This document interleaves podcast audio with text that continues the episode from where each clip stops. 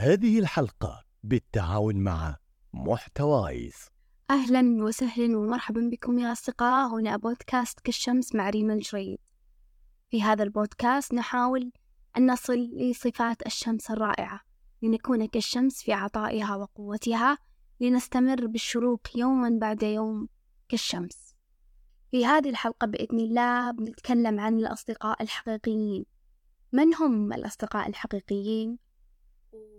نبغى نفهم برضو أو نعرف أنواع الصداقات وبرضو الصفات السامة اللي من يوم تشوفها في أي صديق لازم تبتعد عنه نفهم أو نصل لمرحلة التقبل للآخر البعد عن المثالية. في عصرنا الحالي ومع آه، وجود مواقع التواصل الاجتماعي وسرعة الوصول لأعداد كبيرة من الناس صار الناس يفرطون بالصداقات الحقيقية. ولما يقع في مشكلة أو مصيبة كبيرة في حياته هنا يحس إنه أنا إيش سويت بحياتي؟ والناس كلها ما فيها خير وليش ما حد وقف معاي؟ لكن ممكن مرات تكون المشكلة فينا إحنا إن إحنا ما نعطي فرصة لبعض الناس إنهم يدخلون في حياتنا. إن مرات ما نقدر العلاقات إن مرات إحنا ما نحافظ على العلاقات القيمة اللي موجودة في حياتنا. إحنا حاليا أول شيء بنتكلم عن إيش هو الصديق الحقيقي؟ أكيد لكل واحد مننا آه معايير هو حاطها عشان يقيم مثلا هل هذا الشخص آه أو هذا هذا الصديق صديق حقيقي أم لا؟ هل هو صديق صالح أم لا؟ لكن إحنا نبغى نتكلم عن المبدأ العام اللي نبغى نمشي عليه. علي بن أبي طالب رضي الله عنه يقول صديقك من صدقك لا من صدقك. بمعنى أنه الصديق الحقيقي هو الشخص اللي يكون مثل المراية لك عشان ترى آه، إيجابياتك وسلبياتك في نفس الوقت. ما يجاملك على حساب أنك ممكن من يوم الأيام تضر نفسك أو تضر الآخرين. مخطئ من يظن أن الصديق الحقيقي هو الذي يوافقه دائما ويثني عليه في كل الأحوال. الصديق الحقيقي هو الشخص الصادق معك.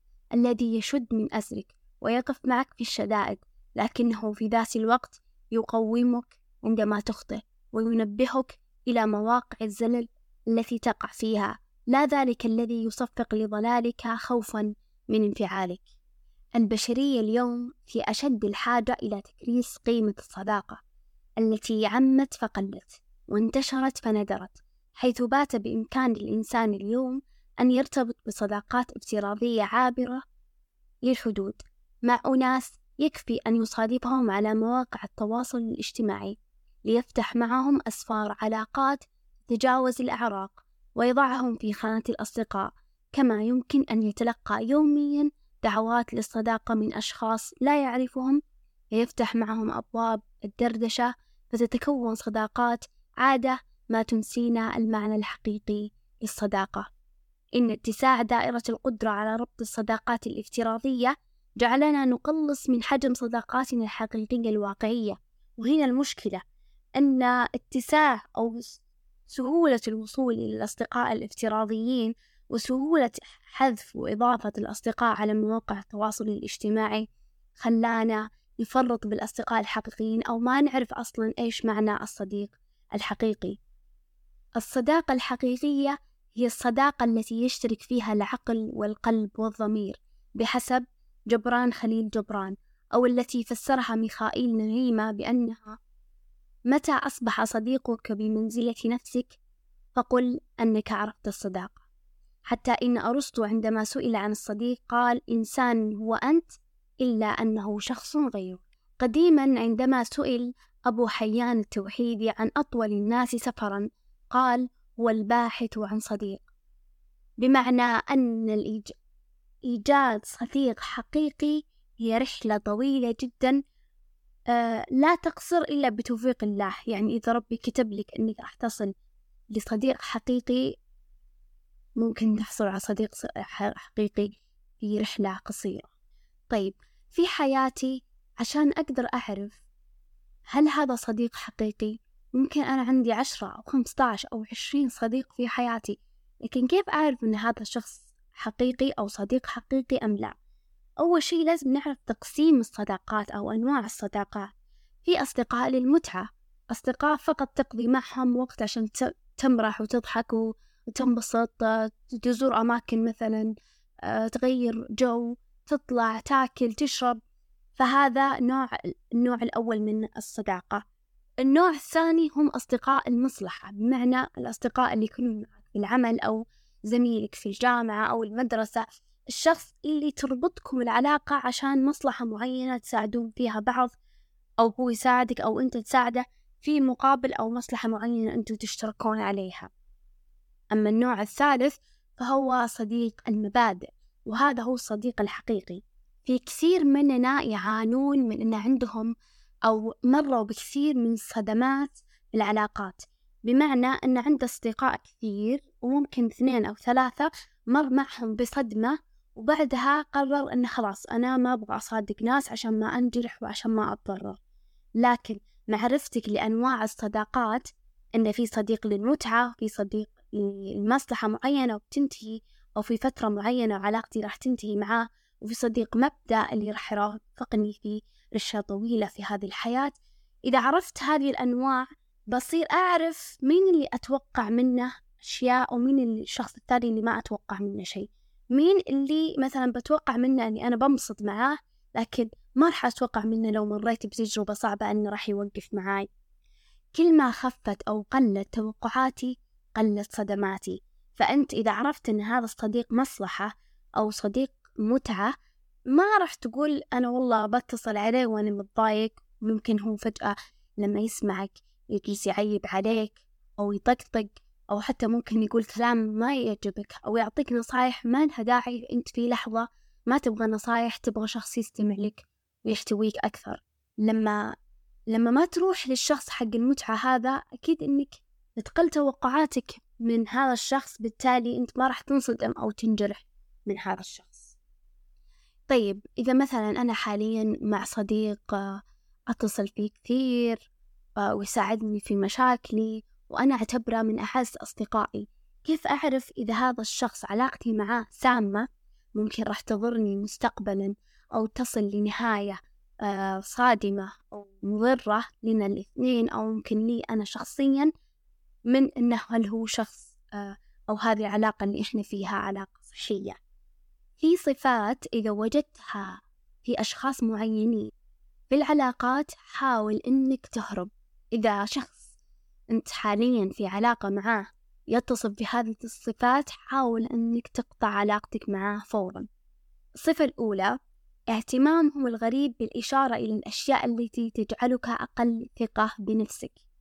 يعني الصديق أو الزميل أو الشخص اللي لما تجلس معاه أو تقضي وقت معاه أو تسولف معاه تحسه دائما يحب يركز على نقاط الضعف اللي عندك ويحاول يقلل من قيمة ذاتك عندك يحاول يسبك يحاول حتى لو بطريقة غير مباشرة يخليك تحس آه، بشعور سيء تجاه نفسك. وأنا قد تكلمت في حلقة هل الحب يكفي اللي موجودة في الحلقات السابقة اللي ما سمعها يروح يسمعها؟ حلقة جدا ثرية. تكلمت فيها عن أحد العلاقات اللي أنا مريت فيها. كنت في علاقة مع إنسانة لما كنت أجلس معاها ما أحس إني مرتاحة ما أحس بأمان عاطفي أو بأمان نفسي من ناحية إن دائما كنت أحس إني أقل إني غير مقدرة إن فيني عيب إني ماني كافية بالنسبة للشخص الآخر. فهذه علاقة كانت سامة. للأسف قبل ما أدرك إنها سامة انتهت بأضرار جسيمة. الصفة الثانية اللي إذا توفرت في الشخص أهرب منه هؤلاء الأشخاص لا يحترمون حدودك الشخصية.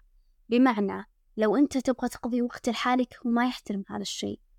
لو أنت آه، عندك مبادئ أو أشياء معينة تمشي عليها في حياتك ما يحترم هذه الأشياء. ما يحترم أن أنت مختلف عنه ما يحترم أن أنت عندك قرارات الخاصة يبغاك تكون تابع له باختصار يبغاك أنت تصير على كيفه. يوديك يمين تروح معاه يوديك يسار تروح معاه وإذا رفضت حسسك إنك سويت جريمة. الصفة الثالثة إن هذا الشخص ما يعطيك أي رأي في العلاقة اللي إحنا أنتو فيها. يعني معروف إن أي علاقة تصير بين شخصين لازم الشخصين أو الطرفين هذول يكون عندهم رأي أو تأثير على هذه العلاقة. لكن هذا الشخص السام هو المتحكم بشكل كبير في هذه العلاقة وما يعطيك أي فرصة إنك تبدي رأيك أو إنك تحاول إنك تعطي رأيك في أسلوب الصداقة أو أسلوب العلاقة اللي بينكم. فيفرض عليك آراءه ويحاول يمشيك. الصفة برضو إنه دائما يحسسك آه، أو يخليك خايف من إنك تخسر هذه العلاقة. فيعيشك في توتر وقلق من إنك ممكن تخسره في أي يوم. وهذا يسبب لك عدم أمان نفسي أو أمان عاطفي فهذا معناته أنه آه، أنت في علاقة سامة. هذا غير الصفات العامة اللي كلنا ما نحبها أن الشخص يكون أناني يستغلك ويكون ناكر للجميل إنه يكون آه كذاب يكذب كثير ويخبي عنك أشياء كثيرة آه ما يحترمك يقل أدب عليك. هذه كلها صفات تبين أن أنت لازم تاخذ خطوة وتنهي هذه العلاقة. خلوني نقول لكم بعض الفروقات بين الصديق الزائف والصديق الحقيقي. أولا الصديق الزائف لا يهمه أن يضيع وقتك كله أما الصديق الحقيقي يراعي حصولك على وقتك أو آه، على وقت لوحدك. الصديق الزائف لا يعجبه أصدقائك الآخرين أبدا. الصديق الحقيقي لن يحكم عليك أو يتحكم بقراراتك بشأن أصدقائك الآخرين فيعطيك حرية لأنك أنت في النهاية ما, ما, ما أنت ملكة. الصديق الزائف دائم البحث عن التفوق عليك وأغلب نقاشاتكم لفرض أفضليته. دائما يبغى يبين لك إنه هو أفضل منك وما يبغى إن أنت تتفوق عليه أبدا. أما الصديق الحقيقي تجده يحب محاورتك ونقاشك. الصديق الزائف دائما يحاول أن يغير من طريقة عيشك لتتناسب معه. أما الصديق الحقيقي يقبلك كما أنت ومع النصيحة الطيبة فقط. يعني يتقبلك زي ما أنت لكن لو شاف عليك عيب أو غلط يعطيك نصيحة جيدة عشان يغيرك للأفضل. وفي عبارة جدا رهيبة تقول الصداقة تقاس ليس بعدد السنين ولكن بعدد المواقف. يعني مو معناته أنك مع صديقك من عشر سنوات أو خمس سنوات أو أيا كانت المدة معناته أن علاقتكم أو صداقتكم هي الأفضل. أنت عشان تسوي زي التصفية للأصدقاء الحقيقيين. ممكن تجيب خمسة من أصدقائك المقربين جدا. وتشوف هل هم مستمرين معك أو هل أنت مستمر معاهم. فقط لأن بينكم سنوات أو بينكم مثلا طلعات ودخلات ولا في حصلت مواقف بينت لك إن هذا الشخص من جد يحبك ويغليك وواقف معاك ومستعد يقدم لك آه شيء ما يقدمونه لك الأشخاص الآخرين. دايما إحنا للأسف ما نتأذى من أعدائنا. ليش؟ لأن أنت لما تكون عارف إن هذا الشخص عدوك تكون دائما حذر معاه. لكن الأذية دايما تجي من الأصدقاء. اللي إحنا ظنينا إنهم أصدقاء أفشينا لهم أسرارنا عرفوا نقاط ضعفنا بالتالي جت الأذية منهم. عبارة تقول اللهم احفظني من شر أصدقائي أما أعدائي فأنا كفيل بهم. فعشان كذا معرفتك للصديق الحقيقي ما تخليك ترفع شخص فوق منزلته وبالتالي يجي يوم من الأيام وتتأذى منه لأنه صار يعرف أسرارك لأنه صار يعرف نقاط ضعفك وهكذا. طيب أنا الحين عرفت أن آه، فلان الفلاني هو صديقي آه، الحقيقي هو شخص مرة أحبه شخص وقف معي في مواقف صعبة في حياتي شخص إذا احتجت شخص يسمعني أتصل عليه وهكذا. كيف أنا أقدر أحافظ على هذا الشخص؟ اللي عشان يستمر وجوده في حياتي. تعطيكم بعض النصائح العامة. أولا لا تتوقع أبدا من الشخص الآخر أنه يكون كامل.